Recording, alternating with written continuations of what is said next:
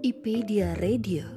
Ini adalah tentang rasa, asa, dan hasrat, mengupas dari sisi yang berbeda, menghadirkan pilihan untuk bisa bersikap, memahami, dan menghargai, mengkritisi tanpa menghakimi.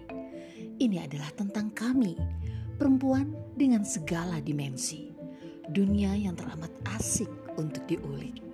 Ini adalah IPedia Radio, teman baik dunia perempuan.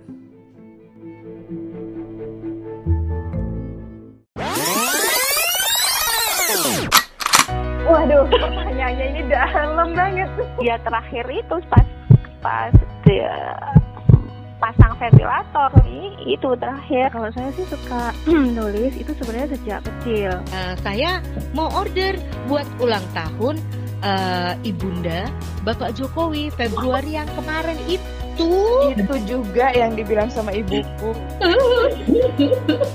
Hanya orang-orang terpilih yang bisa menjadi suami MS. Serius waktu di Rusia berarti tas tas itu? Iya betul. Kok Bu Mauri nekat-nekatnya sih bikin komunitas? Mereka berbagi tentang dirinya, tentang dunianya. Perempuan-perempuan keren yang penuh inspirasi. Ikuti obrolan seru mereka hanya di Kata Hati IPedia Radio, teman baik dunia perempuan.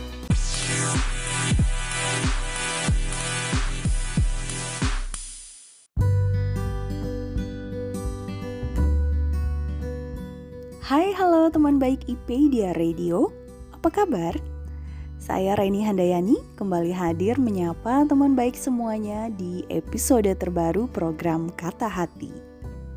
Mumpung kemarin adalah peringatan Hari Kesehatan Mental Dunia, mumpung masih hangat-hangatnya nih ya.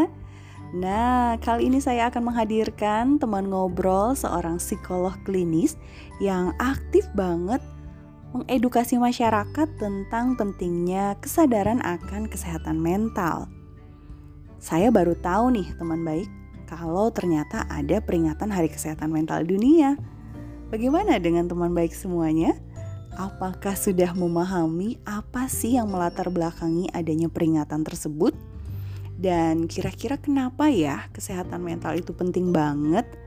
Lalu dampak buruk dari gangguan akan kesehatan mental seseorang itu kira-kira seperti apa sih? Yuk kita simak obrolan saya bersama Estrina Maya MPSI Psikolog.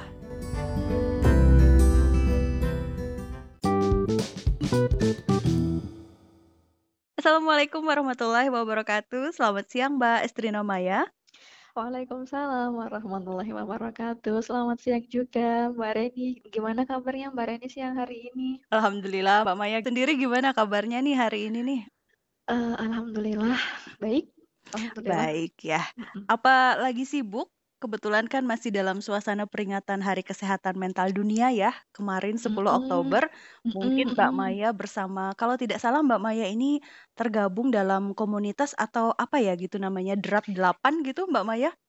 Oh iya, komunitas Drap 8. Jadi kumpulan dari psikolog klinis ya yang membuat satu Hmm, apa ya? eh aliansi untuk mengedukasi tentang kesehatan mental gitu, Mbak. Ah, pas banget berarti ya. Hmm. Mungkin lagi sibuk-sibuknya ini kali ya, mengedukasi atau apa gitu kan. Iya, ngobrol-ngobrol sama teman-teman sih biar nanti bisa di apa ya, terserap ke masyarakat yang lebih luas lagi. Oke, Gitu semoga lancar ya. Mbak project-projectnya bersama teman-teman Drap 8-nya. Amin, terima kasih. Mbak Maya sebelumnya saya mau ngucapin terima kasih banget ya sudah bersedia hadir berbagi nih ngobrol bareng sama saya di eh, program Kata Hatinya IPedia Radio. Insya Allah hari ini kita ngobrol seputar kesehatan mental ya Mbak, mumpung masih Mm, hangat banget ini topiknya. Jadi saya penasaran nih Mbak Maya, sebenarnya sejarah munculnya Hari Kesehatan Mental Dunia itu kenapa sih Mbak? Saya jujur aja saya baru tahu baru-baru ini loh kalau ada. Hari Kesehatan Mental Dunia ini. Hmm, iya, jadi sejarahnya ini saya juga melansir dari ini ya, apa namanya, web resminya Federasi Kesehatan Mental Dunia atau Mm-mm.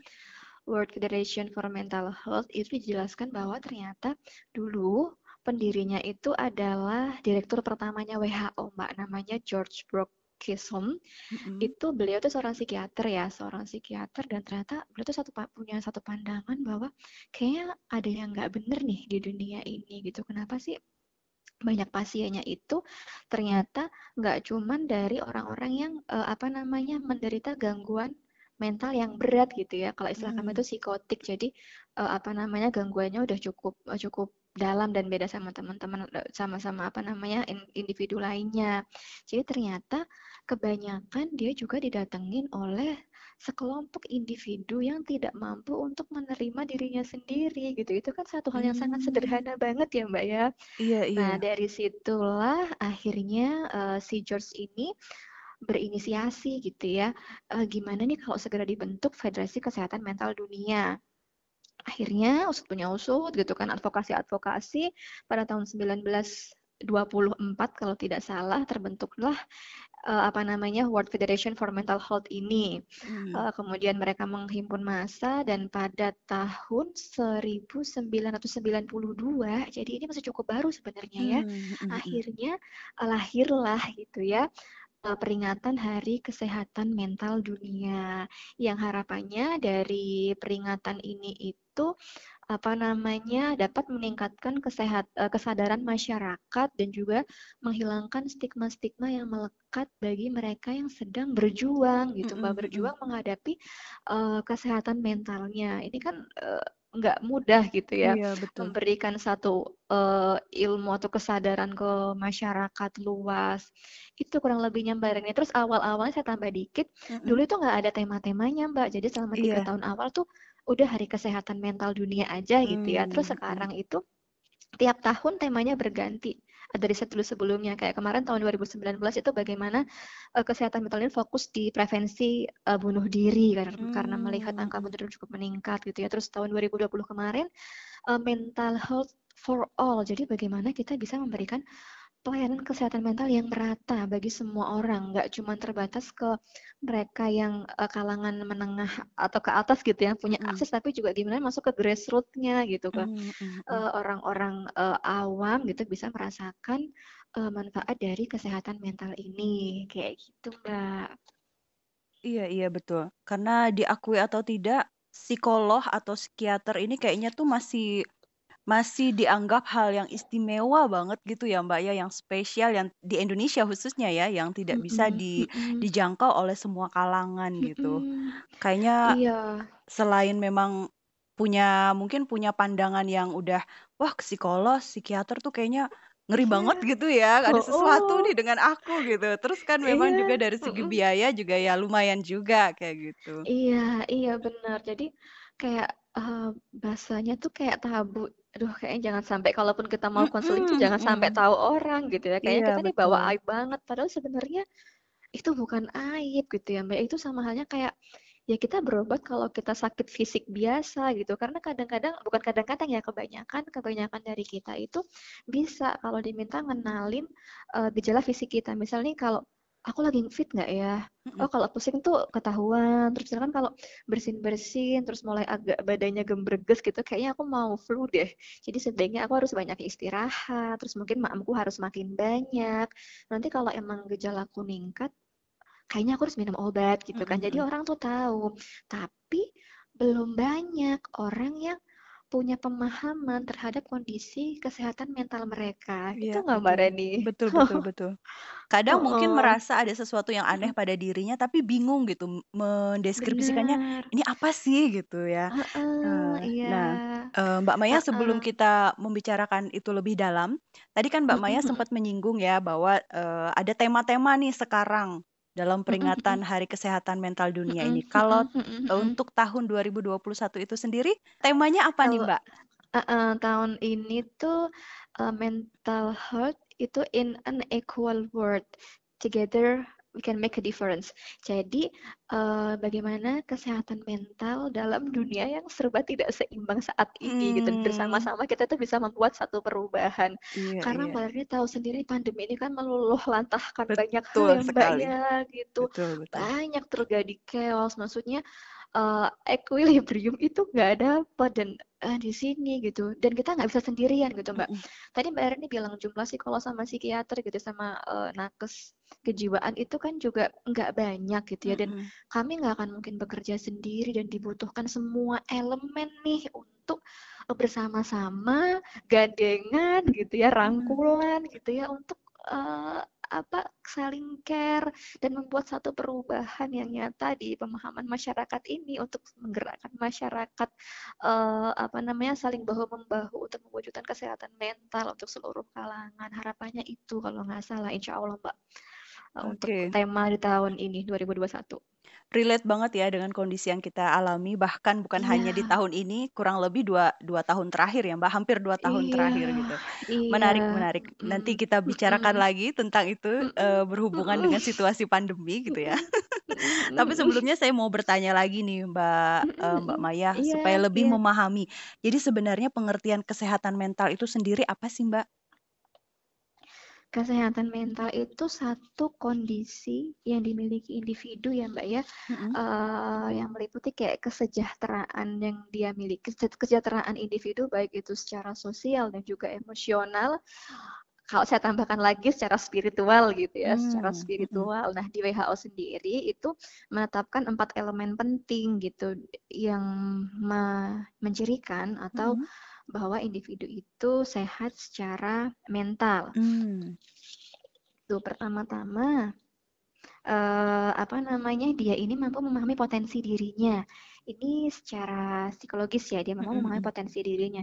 Dia tahu kelebihannya, dia tahu keterbatasannya dan dia bisa uh, dealing gitu dengan keterbatasannya itu. Dia tahu juga apa yang dia sukai, apa yang nggak dia sukai. Dia sudah bisa menentukan nih uh, kira-kira goalsku tuh mau apa sih tujuan hidupku tuh apa sih gitu mm-hmm. terus itu kan menentukan gimana dia mengambil keputusan ya secara yeah. tidak langsung terus juga bisa adaptif adaptif ini dapat uh, menyesuaikan diri gitu ya terhadap stresor sehari-hari stresor harian terus juga bisa produktif dan bermanfaat Eh, dan juga bisa berkontribusi terhadap uh, sekitar. Jadi emang ada harmoni sih antara psikologisnya dia, antara emosionalnya dan juga sosialnya.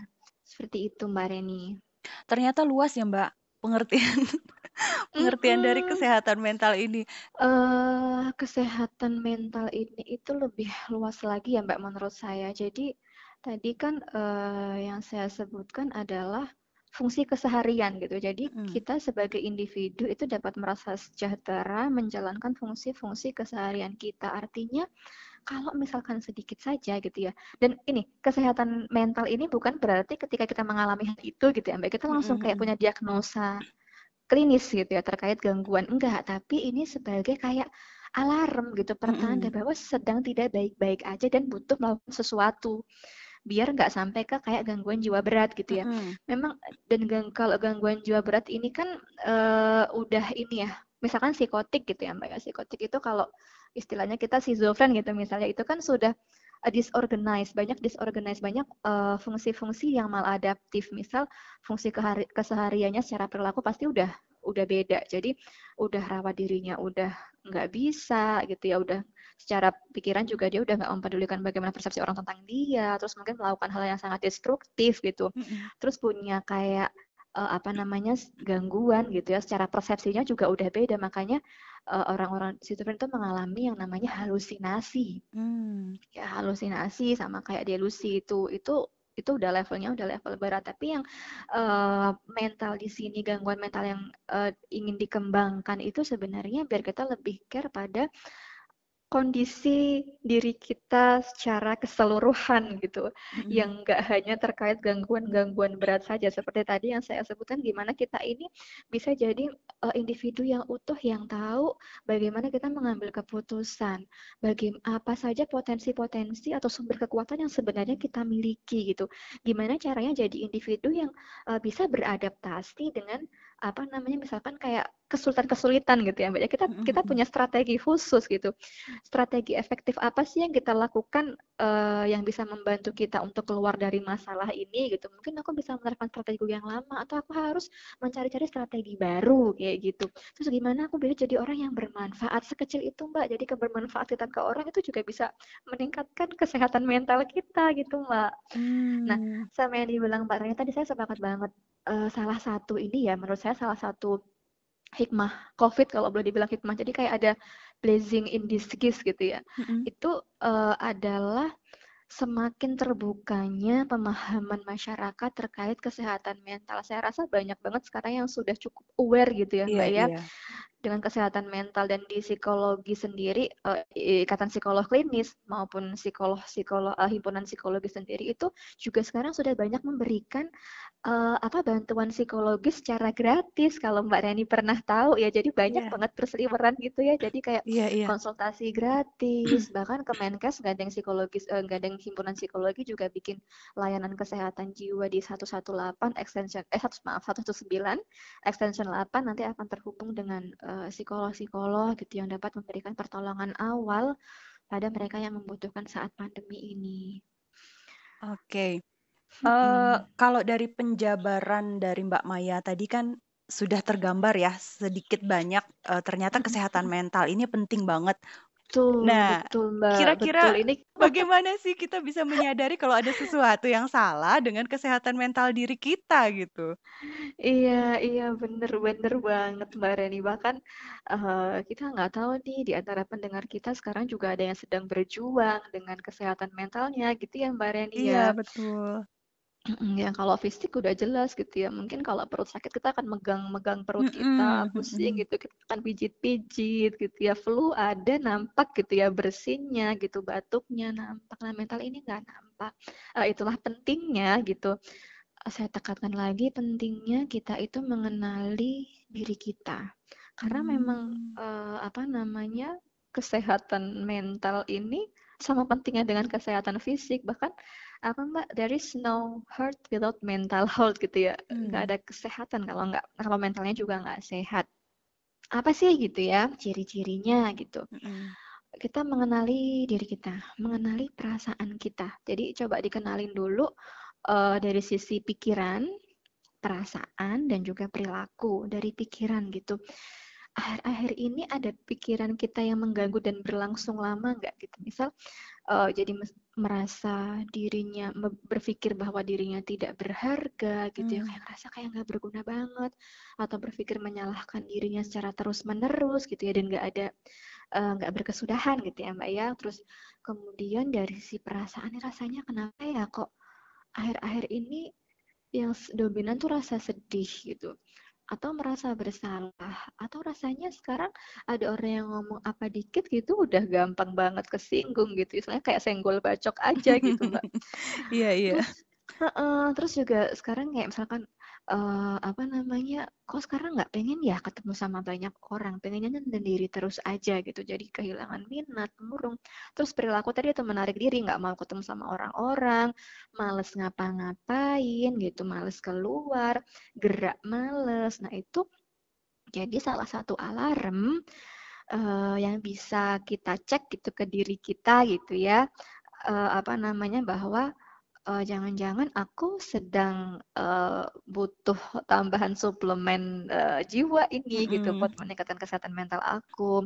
Terus sederhana lainnya Mbak dari nafsu makan kita bisa dicek juga nih kita makannya terlalu berlebihan atau nafsu makannya hilang sama sekali gitu. Mm -hmm. Tidur juga bisa yang tiba-tiba tidurnya nyenyak terus uh, mendadak jadi nggak bisa tidur Sulit atau tidur, jadi tidurnya gitu. banyak banget gitu berlebihan atau, gitu ya oh, oh berlebihan atau tidur tapi suka kebangun suka mimpi buruk terus gitu nah, hmm, nah itu hmm. itu ada sesuatu di dalam diri kita nih apa kira-kira coba kita cari nih apa sih sebenarnya gitu dan ini penting banget pentingnya ini mbak kadang kita tuh nggak yang tadi kata Mbak Reni ya, kadang kita itu belum sadar.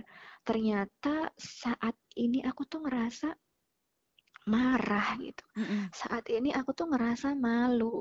Beberapa orang belum bisa merasakan itu karena itu emosi-emosi yang nggak sepatutnya di dinampakkan secara sosial gitu ya Mbak. Padahal sebenarnya kehadiran emosi itu nyata. Iya, iya. Emosi itu valid gitu dan di sini salah satu ciri mereka yang sehat jiwa gitu ya, sehat secara mental itu bisa menerima berbagai macam emosi yang dimiliki sebagai bagian dari diri mereka. Karena kita tuh nggak melulu terdiri dari seorang Reni yang sempurna, yang nggak pernah ngelakuin betul, betul. kesalahan gitu ya, yang baik-baik aja. Seorang Mbak Reni juga mungkin pernah kok eh, berbuat yang nggak pas gitu, yang kadang ngerasa malu, eh, sedih, marah, marah pernah gitu ya. Nah Sering itu malah, Mbak. gitu ya. Nah, itu jadi penting untuk mendeteksi apa yang kita rasakan gitu ya dan juga eh, berjalan untuk menerima. Nah, itu butuh proses, Mbak. Iya, dan dan sayangnya sering kali kita tuh menggunakan standar masyarakat kebanyakan ya, Mbak, bahwa nggak boleh Yes. marah-marah Mm, gitu. Mung bisa jadi itu sa sebagai salah satu cara kita untuk Kebutuhan ya, heeh, heeh. kebutuhan Eh, untuk ini kan, coping ya, untuk kesehatan untuk mental strategi. kita gitu, Iya. menjaga gitu. Heeh.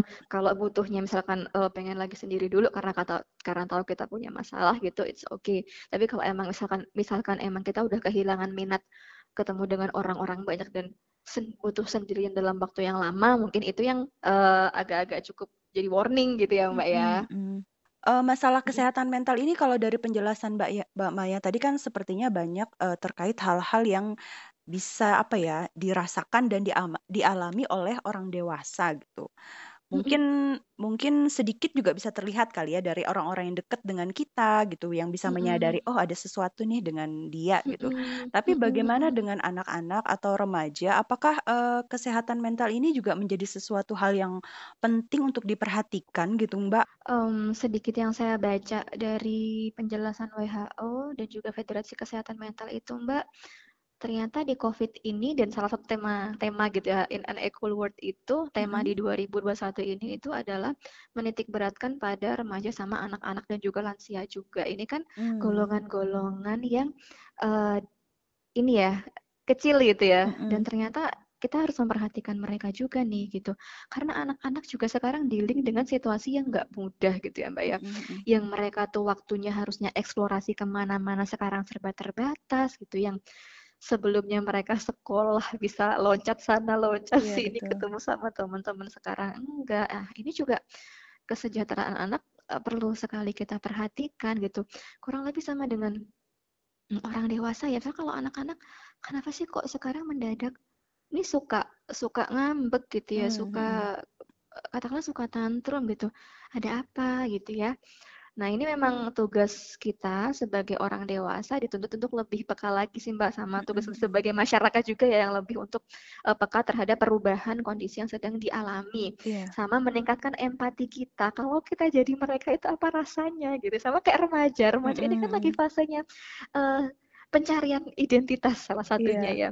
Kayak pembentukan jati diri menunjukkan eksistensinya jadi pengen mandiri nggak pengen sama orang tua tapi gimana mereka bisa mandiri ke mana-mana aja nggak bisa gitu ya. Padahal salah satu pembentukan itu ada di peer groupnya mereka. Mereka nggak bisa ketemu langsung. Pasti ini kan juga eh, challenging banget buat mereka. Apalagi lansia yang mungkin butuh untuk eh, apa namanya eh, pengobatan khusus gitu ya Mm-mm. yang juga terhambat pasti karena COVID ini kan Mbak ya Iya, betul. akses ke RS juga apa namanya dibatasi dan tiga kelompok ini gitu eh, adalah kelompok yang sebaiknya dapat perhatian lebih gitu. Berarti memang bisa dibilang eh, kesehatan mental ini berlaku untuk semua kalangan usia ya, Mbak ya, tidak hanya Yes, terbatas pada yes. usia-usia tertentu gitu. Iya, Cuman mungkin betul. Bedanya kalau pada orang dewasa, pada orang-orang di usia produktif, mungkin dia dirinya sendiri bisa eh, menyelaminya. Kalaupun misalnya ternyata ada merasa ada gangguan, bisa mencari bantuan ke tenaga profesional. Beda halnya dengan anak-anak dan remaja yang mungkin perlu betul. bantuan orang dewasa. Wow, berarti di sini Iya. peran orang dewasa, terutama orang tua mungkin ya, jadi double-double ya. Iya, iya bener Jadi, banget Mbak. Peran orang tua mengenali dirinya heeh, sendiri sama mengenali ke anaknya betul. gitu ya. Wow, wow, wow, Bener. wow. Terus orang dewasa juga punya peran sebagai masyarakat nih Mbak. Jadi ada Nah, satu konsep namanya iya, konsep person in environment. Jadi bagaimana ternyata eh, individu dan lingkungan itu jadi satu konsep tunggal. Jadi Mm-mm. kalau misal ada satu individu yang sedang tidak baik-baik saja secara mental gitu, ini ternyata eh, apa namanya sosial atau lingkungan itu juga mempengaruhi dan Iya, iya. sebaliknya. Heeh. Nah, mungkin ini mempengaruhi lingkungan. Mm-mm. ini mungkin salah satu dampak buruk eh, jika kesehatan mental seseorang terganggu ya. Kita kan sebagai manusia tidak hidup sendiri ya di dunia ini. Kita eh, Mm-mm. punya peran di dalam anggota keluarga sebagai anggota keluarga, punya peran Iya. juga di masyarakat gitu. Kalau bisa Mbak Maya jelaskan dampak buruk Mm-mm. dari kesehatan mental yang terganggu itu apa aja sih Mbak? Yang terganggu ya. Mm-mm. Kesehatan mental kan relate sekali dengan cara kita eh, berpikir, cara Mm-mm. kita merasakan sesuatu gitu ya. Eh, seseorang yang eh, sedang mengalami eh, hambatan kesehatan mental itu biasanya, misal nih Mbak, eh, susah untuk fokus kalau orang-orang yang bekerja itu mungkin lebih sering melakukan kesalahan gitu karena lagi ba- Mm, mm-mm. banyak ya, dia susah-susah untuk konsentrasi, pikirannya ke mana-mana kan ya. Terus juga nggak produktif karena kebanyakan mager. Jadi kebanyakan orang yang sedang eh, nggak baik-baik saja kan eh, mikirnya nggak bisa mau ngasilin karya apa nih gitu. Terus fungsi kesehariannya mungkin kalau biasanya ibu-ibu itu rajin bikinin makanan at- atau kue buat anak gitu ya. Ini gimana mau bikin makan, mau gerak bangun mandi aja rasanya males banget gitu ya. Iya, iya. Nah, ini karena kemarin saya habis punya klien, Mbak. Jadi kebetulan eh, dia seorang ibu gitu ya. Eh, kasus berduka. Jadi suaminya meninggal karena COVID. Jadi Hmm, perasaannya campur aduk gitu ya. iya. Jadi dia merasa nggak dapat dukungan karena saat COVID juga nggak ada yang takziah, nggak ada yang melayat, Hmm, dia iya, iya. sendirian, nggak bisa nemenin suaminya. Ini kan dia nggak mau masak, dia nggak mau ketemu sama anaknya. Bahkan dia, saya merasa jadi, saya nggak merasa jadi ibu yang buruk Mbak, karena emang saya ngerasa eh, saya nggak bisa fokus ke anak Hmm, saya. Mungkin nanti kalau ini masa duka saya udah selesai, saya mungkin baru ngerasa bersalah. Cuman ini saya nggak ngerasa. Jadi eh, apa? Efeknya panjang gitu Mbak. hmm. Mau ke sosial, ke personal dirinya sendiri gitu ya. Itu efeknya banyak. Luar biasa ya. Berarti memang diperlukan empati ya, seperti yang Mbak Maya sampaikan tadi saat ini dalam kondisi seperti ini. Kalau menurut saya sih ya Mbak, hampir semua manusia saat ini mungkin pernah mengalami gangguan kesehatan Yes. mental. Yes, yes, dan itu nggak apa-apa. Dan karena gini, jangan jangan dianggap bahwa saat eh, kita ngalamin gitu ya, kita ada gejala itu itu kan sebagai alarm bukan berarti kita langsung Mm-mm. oh punya gangguan tertentu itu yang dan itu jangan sampai kayak gitu karena ini pengetahuan yang dibutuhkan untuk mengetahui diri kita dan mengetahui gimana nanti upaya kita untuk kita bisa eh, apa Mbak kembali gitu ya untuk Iya, kita iya. bisa bisa seperti sedia kala. Nah, itu salah satunya. Dan tadi saya senang banget Mbak Rani bilang, iya, empati penting banget karena sekadar ngeluangin waktu mungkin 40 detik aja buat Mm-mm. nyapa temen kita gitu ya, buat mesti nelpon orang tua kita kalau masih ada. Itu akan berdampak besar buat mereka. Atau mungkin orang-orang yang dirasa kita kok kayaknya dia nggak pernah kelihatan ya, mungkin nggak pernah mm-mm. komen di grup, kenapa ya? Nah, Iya, iya. kalau sekarang kan kalau nggak bisa ketemu langsung kan bisa kita lihat dari eh, media sosialnya ya Mbak ya. Iya. Kenapa ada apa? Nah itu kita bisa tuh hal-hal kecil yang sebenarnya itu bisa impactful banget, berefek besar buat eh, mereka yang sedang eh, mengalami eh, sesuatu secara mental. Berarti memang dibutuhkan kesadaran dari kita semua ya Mbak. Yang pasti kalau menurut saya Iya, pertama-tama harus merubah mindset dulu. Mungkin kalau dulu betul. kita eh, memandangnya bahwa ada orang yang sedang mengalami gangguan kesehatan mental itu ya itu tadi gitu, konotasinya negatif. Kemudian Negatif. biasanya banyak orang malah menjauhi. Ini Betul. kita rubah sudut pandang kita bahwa mere- mereka butuh bantuan kita gitu ya Mbak ya. Walaupun Betul, mungkin kita bukan betul. seorang profesional gitu. Betul, betul. Jadi apa sih yang bisa kita lakukan gitu kan Mbak ya bener. Mereka Mm-mm. butuh bantuan kita dan nggak harus profesional. Kita semua bisa Betul. eh bisa bisa bergerak. Kita semua bisa bergerak dan kita semua bisa sangat eh, dibutuhkan oleh mereka. Itu Mm-mm. itu dari hal yang kita lakukan sebagai orang yang berada di sekitar orang yang sedang mengalami gangguan kesehatan mental. Nah, kalau dari si individu yang mungkin sudah menyadari nih bahwa oh aku sepertinya sedang mengalami gangguan kesehatan mental deh. Kira-kira apa yang harus dia lakukan sebagai cara dia untuk mengatasi hal itu, Mbak Maya? Mm-mm. Kalau dia merasa ada sesuatu yang nggak pas dengan dirinya gitu terkait Mm-mm. mentalnya, uh, dia bisa nih Mbak cerita sama temen gitu kan. Jadi dengan bercerita teman yang dia percaya ya, dia Mm. bisa cerita dengan teman yang dia percaya karena seenggaknya dengan bercerita itu jadi media pelepasan emosinya dia gitu. Mm-mm. Jadi uh, ada dia bisa mengekspresikan uh, hal-hal yang tidak menyenangkan yang selama ini dia rasakan. Nah, kalau ternyata memang sekiranya masih belum bisa terselesaikan gitu ya, itu Mm. bisa menghubungi profesional. Sampai sekarang Oke. insya Allah itu uh, masih banyak profesional-profesional yang bisa dihubungi dan beberapa juga masih memberikan layanan secara gratis. Nah, sebelum ke sana bisa Mm-mm. juga nih kita cek apa namanya misalkan hal lain nih yang bisa dilakukan teman-teman kalau emang tipikalnya "Aduh, kayaknya nggak enak deh cerita sama temen gitu ya. Iya, iya. Ah, ntar dia bisa jaga jaga ini nggak ya rahasia aku gitu Iya. ya. Heeh, kita juga bisa secara personal itu menulis Mbak Reni. Menulis ini Oh, bagian iya. dari Healing mungkin eh ya. iya terapeutik gitu ya. Jadi ini Mm-mm. iya bisa melegakan juga karena di sana kita itu dalam saat menulis kita itu memproses ulang apa yang ingin kita apa yang sedang kita pikirkan, apa yang sedang kita rasakan di sana gitu. Mm-mm. Jadi kadang kita berpikir juga dan oh kayaknya nggak bener. Kita tahu gitu. Seenggaknya semua udah emosinya udah lepas dan kalau lebih baik lagi sebenarnya tuh nulisnya dengan pensil atau dengan pena di buku gitu ya yang Mm-mm. konvensional itu Iya. bisa bisa uh, salurannya bisa lebih terlepas lah gitu ya. Atau menggambar juga bisa. Jadi media-media art gitu ya menggambar juga bisa. Atau emang kalau dirasa aku nggak senang nulis, pakai voice note juga bisa Mbak. Seenggaknya lepas dulu, keluar dulu nih apa yang kita Mm-mm. rasain gitu. Saya tambahin dulu gitu ya. Boleh, Ini belum boleh. selesai, saya tambahin lagi. Jadi emang iya, ternyata memang Mbak berbuat baik itu dapat eh, apa namanya mengaktifkan perasaan positif, perilaku Mm-mm. positif dan itu jadi salah satu eh, apa namanya media healing juga. Jadi berbuat baik itu mengaktifkan senyawa serotonin ya di dalam otaknya itu menimbulkan rasa senang. Jadi dengan kita senang itu kan artinya ada satu kebahagiaan tersendiri yang kita miliki ya. Kalau Iya, orang-orang dengan betul. gangguan mental itu kan diliputi kegelap. Maksudnya kayak Hmm. aduh rasanya kayak dark gitu ya. Nah ini dengan kita eh, ternyata enak ya, bahagia ya gitu rasanya ya. Eh, dan, dan ternyata sesuatu nggak hanya narkoba yang bikin candu, berbuat baik juga ternyata bisa bikin candu gitu Mbak. Kalau kita sering mengaktifkan perilaku berbuat baik ini, eh, itu juga mengaktifkan kayak pikiran kita untuk selalu mencari kebaikan baik apalagi eh, perbuatan baik apalagi yang bisa aku lakukan sama dengan bersyukur Mbak. Jadi Hmm.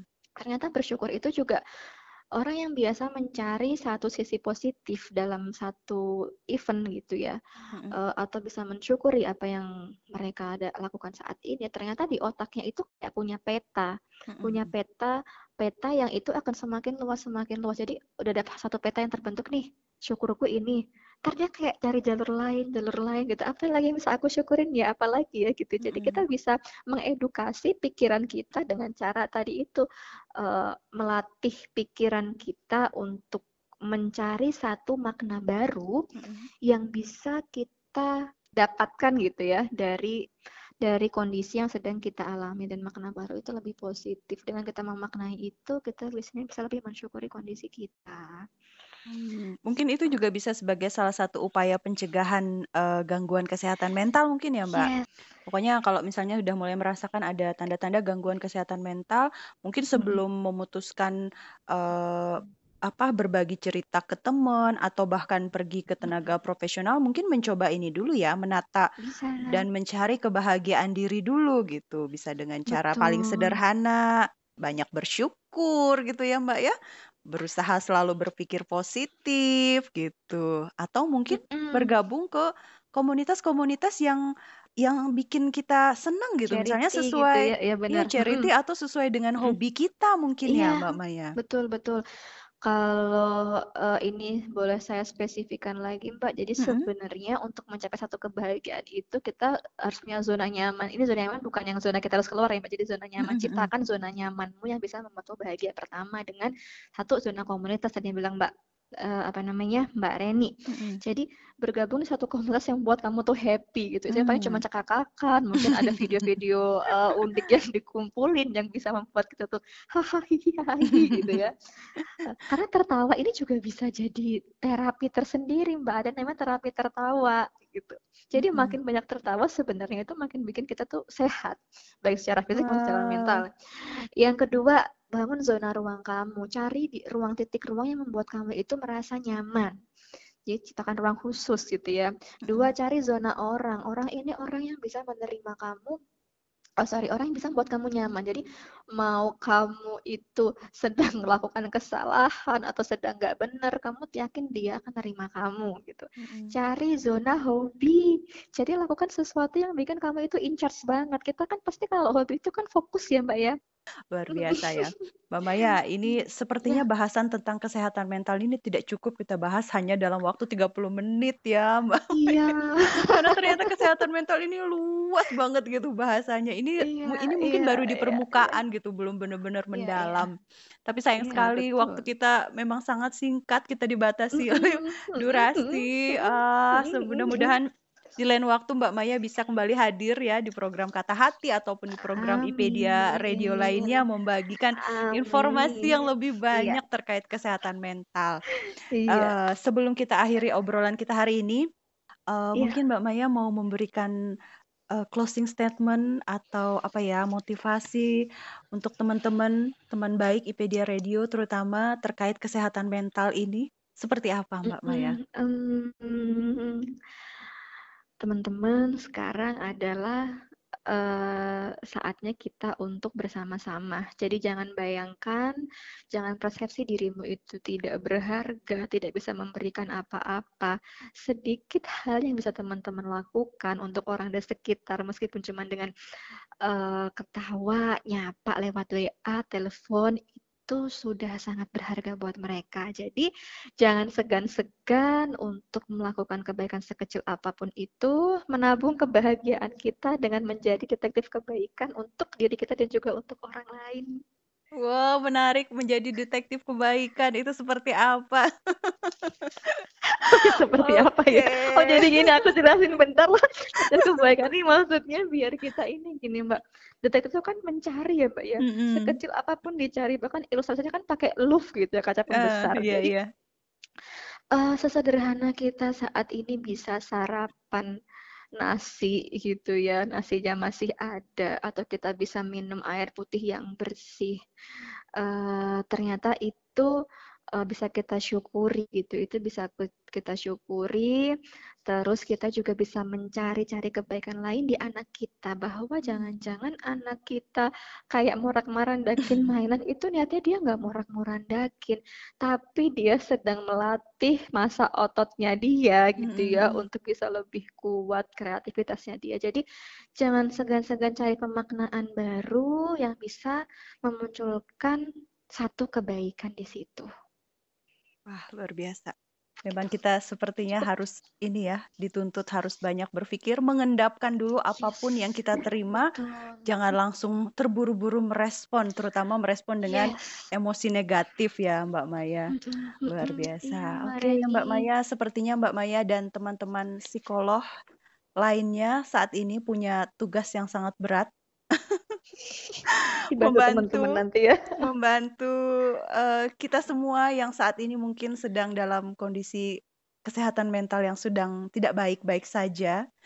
Tetap semangat ya Mbak Maya dan teman-teman, sehat selalu uh, membantu teman-teman di luar sana untuk kembali menemukan kebahagiaan, mengembalikan mentalnya yang sehat. Luar biasa. Terima kasih iya. sekali lagi Mbak Maya. iya, kembali kasih Mbak Reni dan teman-teman di Kata Hati ya. Salam sehat dan salam tangguh buat kita semuanya. Amin. Sehat selalu ya Mbak Maya. Sampai ketemu amin, lagi. Amin, amin. Iya. Assalamualaikum warahmatullahi wabarakatuh. Waalaikumsalam warahmatullahi wabarakatuh. Terima kasih telah mendengarkan episode kali ini. Tetap stay tune di IPedia Radio, teman baik dunia perempuan.